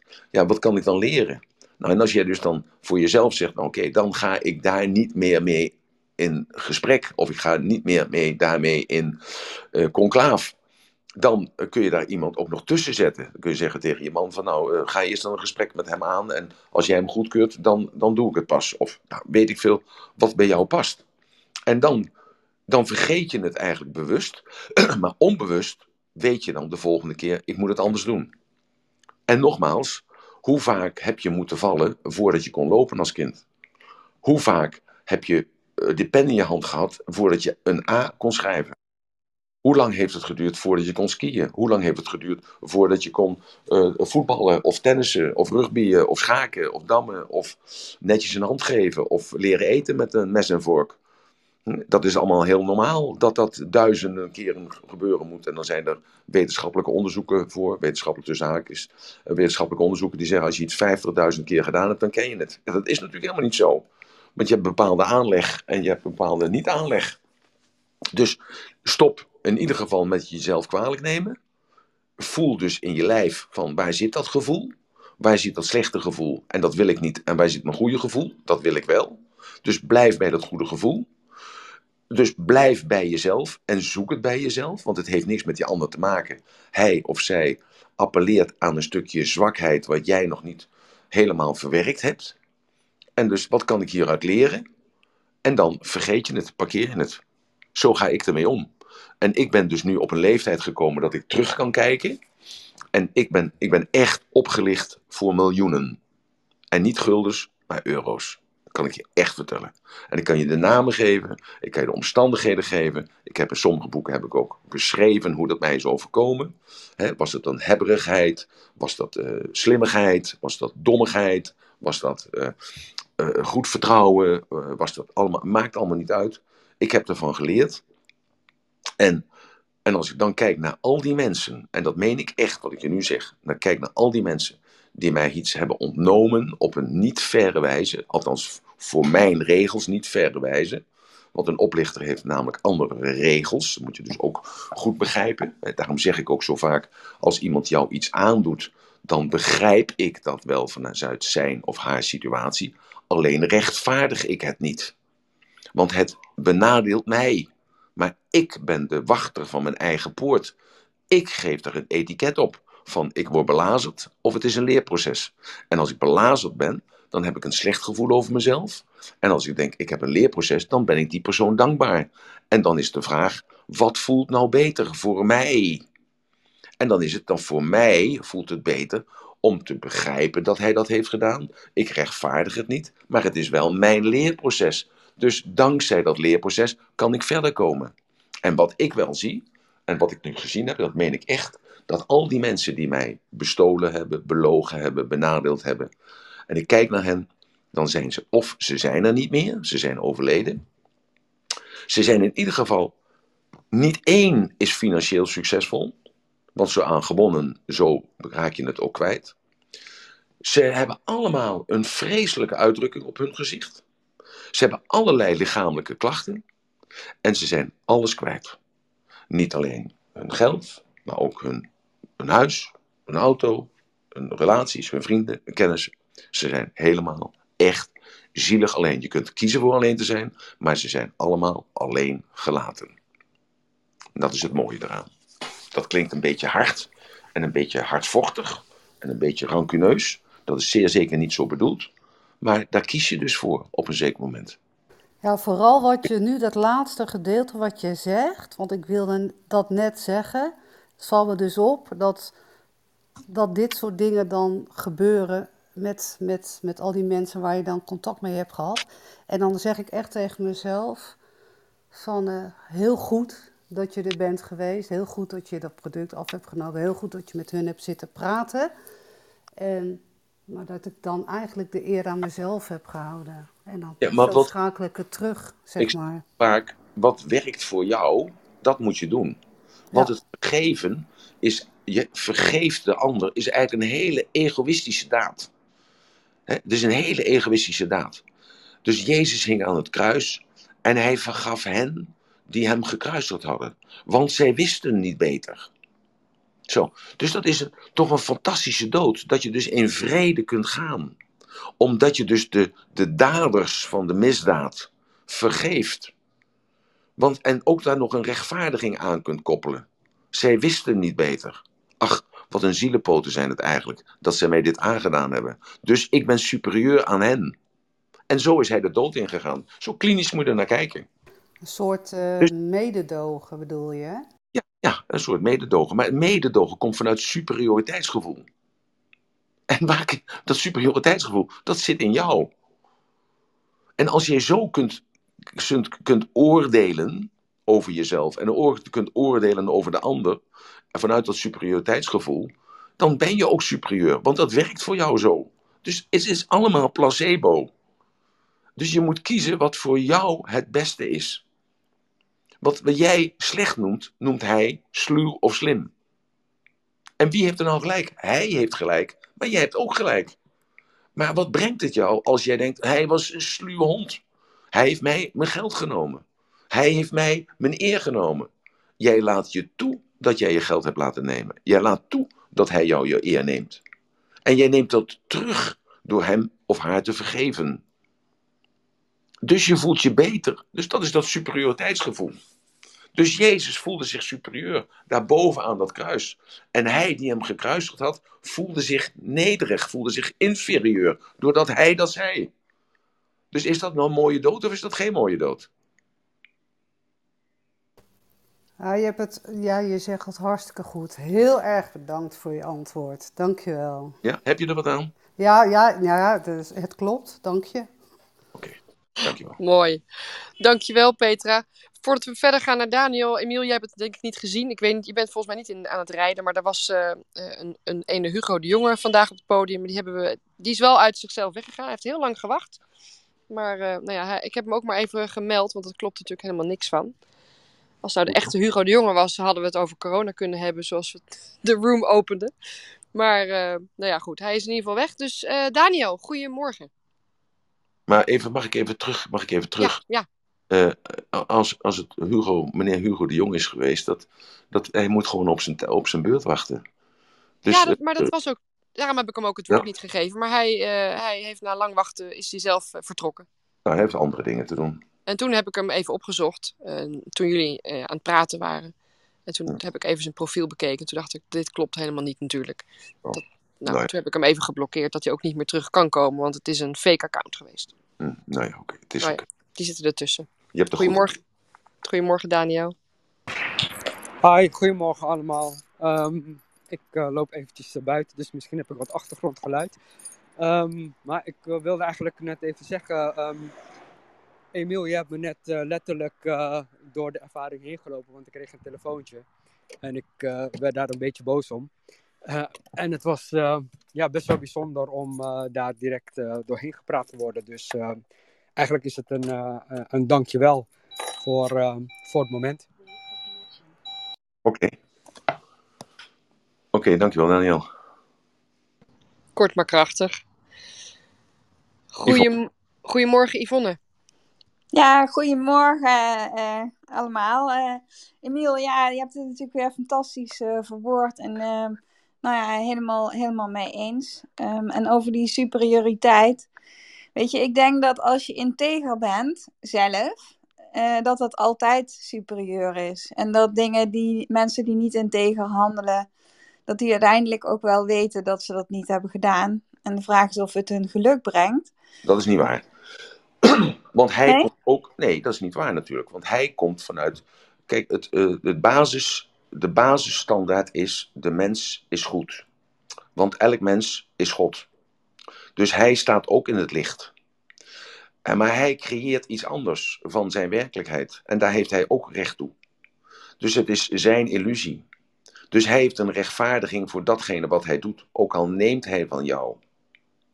Dat hij heeft een rechtvaardiging daarvoor. Nee, ongetwijfeld dat hij een rechtvaardiging heeft. Eh, kijk, eh, maar ik denk, ik denk dat er een afweging is. Ik denk dat er een afweging is waarin hij zegt: Oké, ik weet dat, dat ik hier Emiel uh, waarschijnlijk uh, niet, uh, pijn mee ga doen, of, of dat het niet helemaal correct is wat ik doe. Alleen de winst voor mij om het wel te doen is groter. Dus het is een afweging. Maar ik denk dat iemand wel degelijk doorheeft als hij jou belazert, dat hij iemand anders belazert. Alleen hij krijgt er een goed gevoel bij, omdat er iets aan zit, iets aan kleeft, wat uh, verleidelijker is of aantrekkelijker is om het wel te doen. En de afweging is dus van wat het mij oplevert om iets te doen wat niet integer is, uh, is groter dan, uh, dan het niet doen. Ik denk dat het altijd een soort balans is. Wat is de definitie van integer voor jou?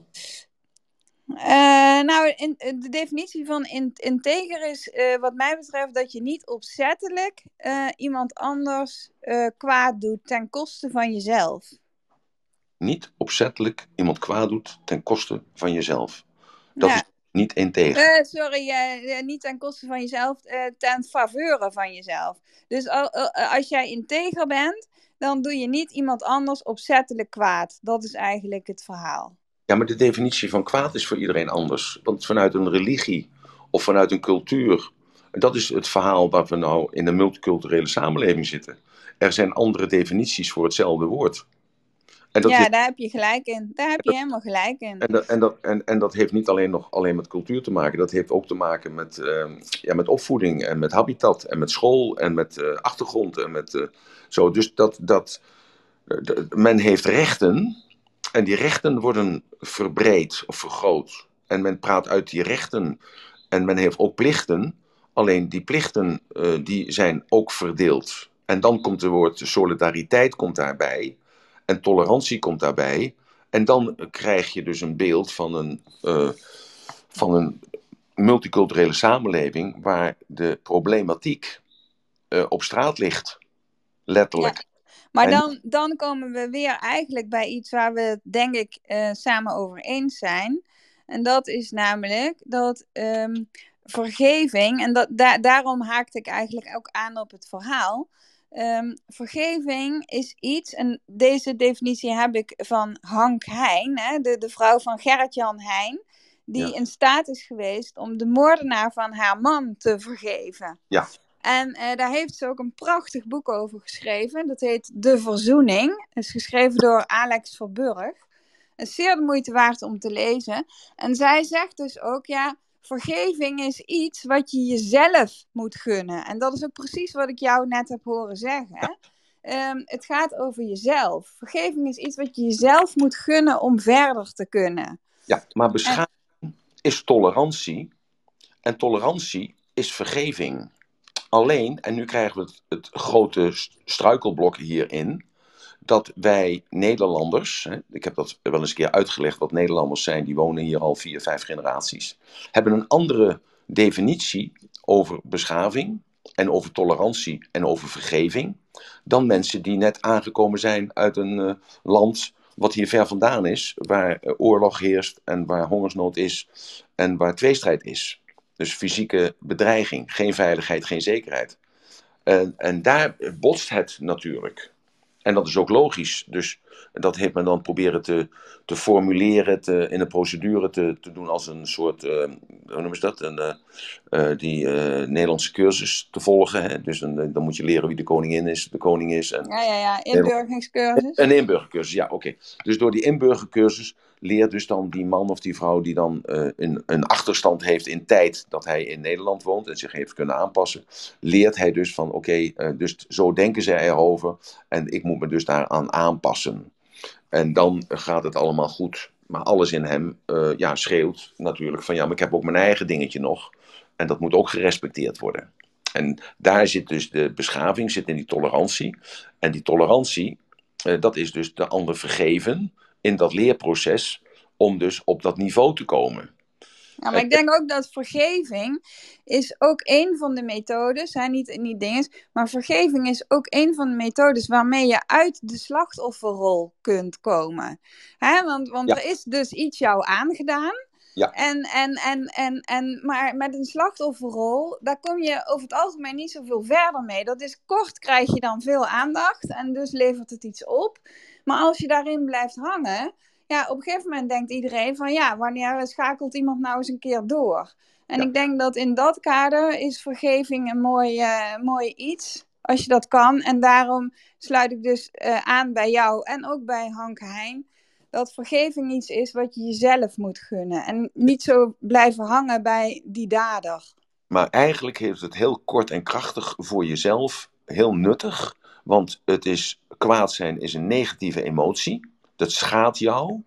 En door te relativeren, hè, dus door naar het gevoel van jezelf te gaan, hè, door eh, de, de oorzaak bij jezelf te zoeken van wat is mijn deel hierin en wat kan ik ervan leren, rationaliseer je eigenlijk de emotie en gaat die emotie weg. Dus, de, dus het ongewenste chemische materiaal van adrenaline of allerlei andere chemische stoffen, waardoor jij lelijk wordt, waardoor jij snel oud wordt, waardoor jij moe wordt, waardoor je negatief geladen wordt, waardoor jij energetisch gewoon jezelf ziek maakt. Ja, dat verdwijnt dan enkel en alleen door je verstand te gebruiken, door te zeggen: ik vergeef het jou. Of ik vergeef het mezelf. En daar kom je in een andere ruimte, een andere emotionele ruimte. Die Ja. Dus dat is even heel klinisch het proces. Ja, nou, ik ben het helemaal met je eens. Dankjewel. Nou, ik ben blij dat we Dankjewel, eh Yvonne. Nou, het is natuurlijk ook niet eh, makkelijk om eh, dit proces eh, zomaar even om te zetten. Ik, ik hoorde jou, Yvonne, zeggen van ja, het, het is in die slachtofferrol blijven hangen. eh, hè, dat, dat soms mensen in de omgeving zeggen van goh, of denken, hè, wanneer gaat ze, hij of zij nou eens verder. Ik, eh, ja, ik moest toevallig net even zelf aan een ervaring denken uit mijn eigen leven. En ik weet, als het om kleine dingen gaat, is dat natuurlijk best wel makkelijk te doen. Maar als het om grote dingen gaat, dan, eh, dan is, dat wel, eh, is dat wel eens lastig. En dan kan iemand daar best wel eh, even over doen. En dat weet ik toevallig uit eigen ervaring. Maar ja, als je eenmaal dan die stap kunt zetten naar vergeving, ja, dan bevrijd je jezelf. En dat is met alle chemische processen die je ook nog eens loslaat. Dus dat is inderdaad een heel mooi, ja, bijzonder. Ehm, Het is ook dat je ervan, als je ervan al bewust gaat worden. Kijk, eh, als Ja. er iets is gebeurd wat jou is aangedaan, dan heeft dat tijd nodig. Zo simpel is het. En niemand kan zeggen of dat een week, een jaar of tien jaar is. Maar op het moment dat jij je bewust bent van het feit dat ja, die slachtofferrol dat dat, dat, dat je niet helpt. En, en je denkt Ja. van ja, hoe kan ik naar een oplossing? Ik snap Dan- wat je zegt. Maar wat als de omgeving. eh, Even, ik zal er niet te veel op ingaan. Maar wat als de omgeving met jou meedenkt en zegt van... Goh, ja, dit is wel echt absurd wat diegene doet. Hè, absurd, wanneer stopt het nou eens? Dan ga je, ja, dan ga je toch... Zeker als, wat ik zeg, als je hele omgeving, vrienden, familie... daar allemaal mee eens zijn... Ja, dan, eh, dan ga je toch anders daarmee om. En dan duurt het nog langer. Ja, precies. Dat begrijp ik, dat begrijp ik heel goed. En dat is natuurlijk wat er ongelooflijk vaak gebeurt. Ja, klopt. Terwijl, en- terwijl die sleutel zo, als je hem hebt, ja, het is zo'n klein, klein dingetje wat je kan doen. En dat is inderdaad die persoon vergeven. En dan, ja, dan, dan verandert alles. Want ik heb een keer iemand dus, ehm, waar ik heel veel moeite mee had om dat te kunnen doen, heb ik uiteindelijk vergeven. En vervolgens, terwijl die persoon op 80 kilometer afstand van mij zat, en dat niet wist van mij natuurlijk, want ik had geen contact met die persoon, reikte diegene haar hand naar mij uit van, joh, zullen we dat oplossen? Nadat ik diegene had vergeven. Dus Ja, over chemische processen en energie gesproken. Ja, energie hebben we nog niet eens over gehad, maar ja, dat is heel bijzonder. Ja. Ik krijg helemaal kippenvel. Wat een mooi verhaal. Dankjewel. We gaan eh, naar Valerie. Goedemorgen. Dankjewel Yvonne. Ja, graag gedaan. Dank je. Yes, goedemorgen. Eh, ja, weer een hele mooie, inspirerende room natuurlijk. Ehm, vergeving, ja, jullie zeggen het zelf en Emiel die zegt het al de hele tijd. Hè? Eh, vergeving is super belangrijk in dat opzicht, omdat ehm, vergeving zorgt er inderdaad voor, nou ja, wat Yvonne net ook al zei. Je, komt eigenlijk, je, sta, je pakt eigenlijk verantwoordelijkheid. Je bent de creator van je eigen leven in dat opzicht. En je stapt eigenlijk uit die slachtofferrol als het ware. ik zie dat vaak ook eh, in mijn sessies weer terug. Hè, van dan gaan we, eh, nou ja, ik ben dan hypnotherapeut zoals Emiel weet. En dan pak ik bijvoorbeeld zo'n sessie en dan gaan we terug naar een bepaald moment. En wat ik daar dan ook doe is, je vergeeft de andere persoon en je vergeeft ook jezelf. En vaak is dat een uh, kindsdeel. Het, het deel wat, ja, vaak een jonger persoon dat die op het moment dat die persoon zelf heel jong was. En uh, ja, dat zijn altijd hele mooie momenten. En dat zorgt er ook juist voor die vergeving, dat die hele techniek ook gewoon slaagt en waardoor het hele proces ook gewoon verandert. En wat jij net ook al zei, Yvonne, um, dat er een handreiking wordt gedaan uit andere dingen. Ja, energetisch gebeurt er op dat moment heel veel. En wat ik ook nog wel eens meegeef aan klanten, is uh, het principe van Ho'oponopono, de Hawaïaanse uh, um, zinnetjes, zeg maar eventjes. Ik weet niet of Emiel daar bekend mee is. Dat is het spijt me, vergeef me, ik hou van je, dank je wel. Ja. Ben je er nog? Ja, ik ben er nog. Ja, oké. ja. ja, ik ken het. Ja. Ik ben in Maui geweest een paar keer en ik heb dat daar meegekregen. Ja, klopt. Ja. kijk, en als je die zinnetjes al gewoon, gewoon luistert, hè, van je hebt een bepaald negatief gevoel en je, uh, je gebruikt die vier zinnen op dat moment. Je gaat gewoon even rustig zitten en je gaat naar dat gevoel luisteren. En dat, is ook, dat hoor ik jou ook gewoon zeggen, hè, wat jij aan het begin van de room ook al weer zei. Er gebeurt iets en dan ga je er even over nadenken, je gaat even zitten en dan op een gegeven moment van ja, is dit ook een leerproces of is dit iets, weet je? Dus op die manier ben jij, sta je er ook weer bij stil. Ja, mooi. Mooie toevoeging Valerie, dankjewel. Graag gedaan. Ik terwijl ik jullie verhalen hoor, denk ik bij mezelf, zal ik nou dat artikel eens voorlezen, wat de Telegraaf wil plaatsen? Dat interview wat ze met een van mijn exen hebben gedaan, mijn laatste ex dan. En um, dat ze mij daar op commentaar vroeg. Hè? Dus uh, dat die, uh, een journalist mij vroeg van, nou, wat, wat vindt u hiervan? Wat, wat ja, hoe schrijft ze dat ook alweer? Nog even, moet het op papiertje pakken. Geachte heer Raadband, hierbij stel ik u de gelegenheid om het door uw ex-vrouw gegeven interview in te zien, zodat u op voorhand kunt reageren op de voorgenomen publicatie in de Telegraaf. Mocht u willen reageren, dan kan dat schriftelijk tot en met woensdag 21 juli. Dus ik, ik zit net te denken van, moet ik dat nou voorlezen? Dat is een hele pagina, dat zijn vier pagina's, dus dat is veel te lang eigenlijk. Uh, maar hoe ik daar dan mee omga, want dat is misschien dan toch wel heel... Jullie zijn toch mijn vriendjes eigenlijk allemaal die er nu zijn. Uh, de andere kant duurt het wel heel lang. Dus uh, ik besluit om dat morgen te doen. Ik, uh, ik heb geen geheimen voor jullie, zoals jullie weten. Ik wil morgen wil ik, haar interview voorlezen. Dan kunnen jullie daar heel even rustig over nadenken. En dan zal ik jullie vertellen wat er in mijn hoofd gebeurd is. Hoe ik, daarop hoe ik daar uiteindelijk op gereageerd heb. Ik denk dat dat een heel mooi voorbeeld is. dan blijf ik bij mezelf. En ik vertel jullie hoe ik ermee omga. En dan dan zal ik je dus dan, als ik dat verhaal voorgelezen heb morgen, dus dat, uh, dat interview wat gaat komen van haar, dan zal ik aan jullie vragen eerst van, als dat nou over jou geschreven zou worden, en dat zou dan in de telegraaf komen, waardoor al jouw vrienden en vriendinnen en zakelijke relaties dan de optiek, de beleving van een ex neergezet wordt. Hoe zou jij dan reageren? En als jullie dan uitgewoed zijn met hoe jullie daarop zouden reageren, dan zal ik vertellen hoe ik daarop reageer. Wat vinden jullie daarvan? En ik vraag dit nu even aan een aantal mensen in de room. En ik vraag dat expliciet aan Hans, expliciet aan Vera, expliciet aan Yvonne en expliciet aan Sandra en aan Saskia. Ik zou het aan jullie willen vragen. Zouden jullie naar boven willen komen en mij willen ik had, Ja, ik zal eventjes de... Ik had de handen even uitgezet, Emiel.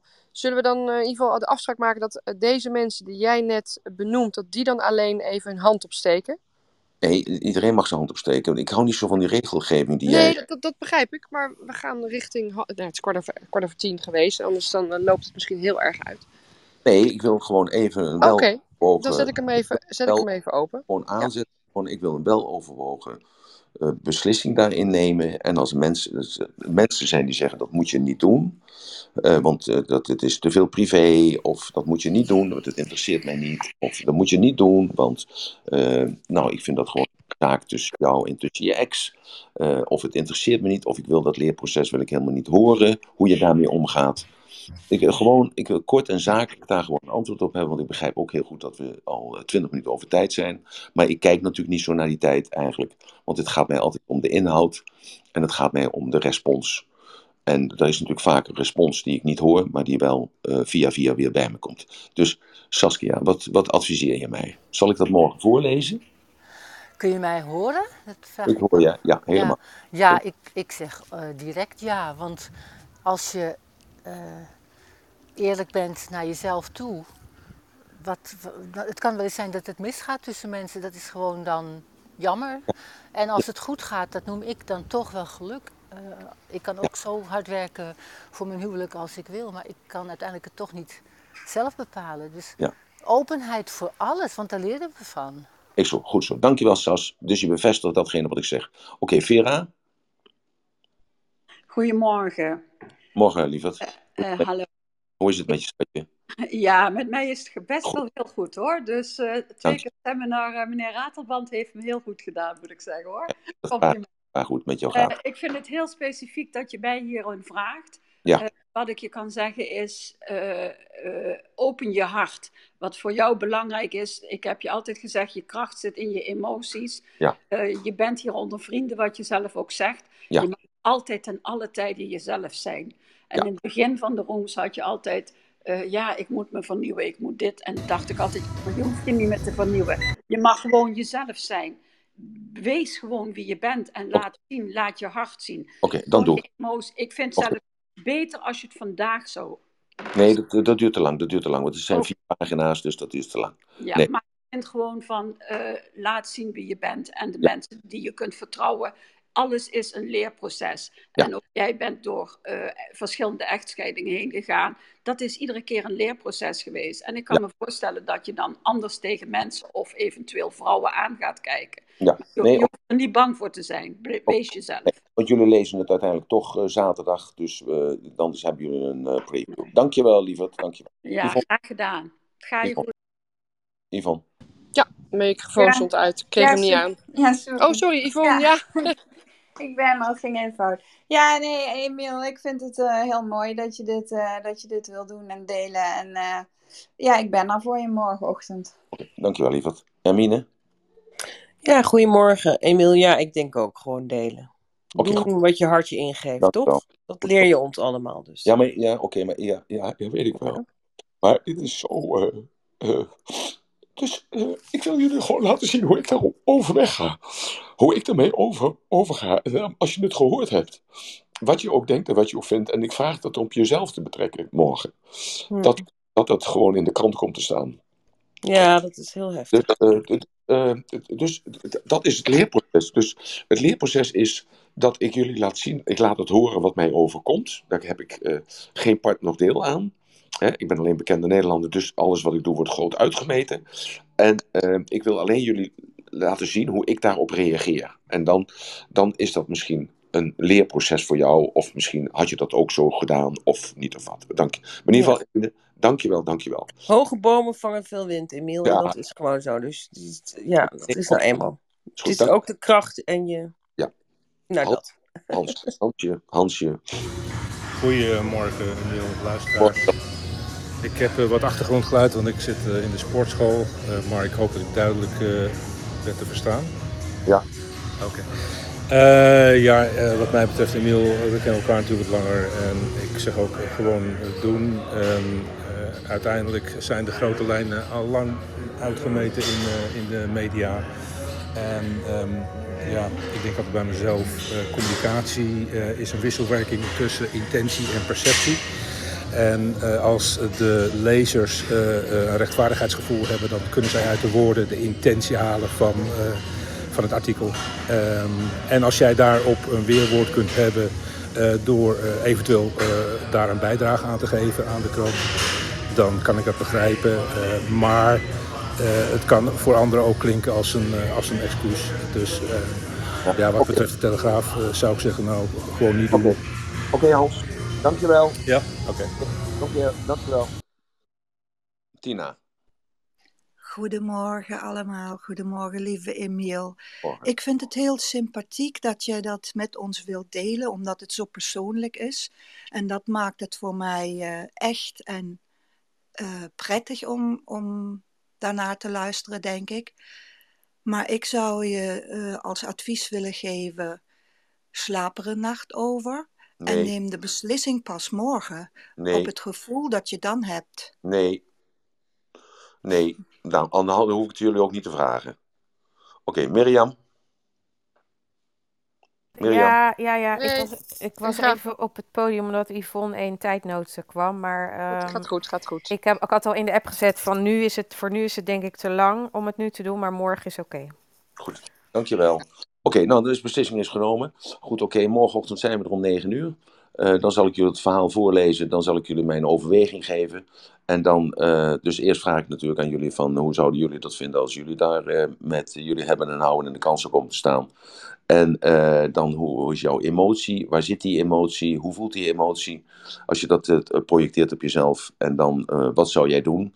En dan zal ik jullie vertellen wat ik gedaan heb. Ja? Ja, dat is heel mooi, Emil. Hoge bomen vangen veel wind. Ik ben het eh, helemaal eens met Hermine. Nou, Maar dat is ook jouw, jouw kracht inderdaad. Dus, Ik eh, ben geen hoge boom. Dus ik eh, zie dat niet zo. Net zoals Hugo Bos had gewoon ook in de lijn in de rij moeten blijven staan. Als hij het was geweest. Dus ook Ja. goed. Oké, nou dames, eh, mannen, vrouwen, broeders, zusters. Dank jullie wel voor jullie tijd. Ratelbandje voor vandaag. Ja, Het ratelbandjes. ratelbandje voor vandaag is... eh, eh, denk even na over degene die jou kwaad heeft toegedicht of toegedacht. Toegedicht is dan eh, het kwaad gedaan heeft. Vergeef hem of haar. Denk erover na. Hoe voelt dat als je de- denkt aan die kwaaiigheid? En denk dan bij jezelf van, hoe zou het voelen als ik het hem vergeven had? En eh, ik geef jou op een briefje dat als jij hem of haar vergeeft op dit moment, dan voelt hij of haar voelt dat ook. En jij voelt je daarmee het beste, want die chemische storm heb jij in de hand, want jij bent de bewaker van de poort van jouw gedachten en de poort van jouw perceptie. Dank jullie wel, een hele mooie dag en tot morgenochtend 9 uur.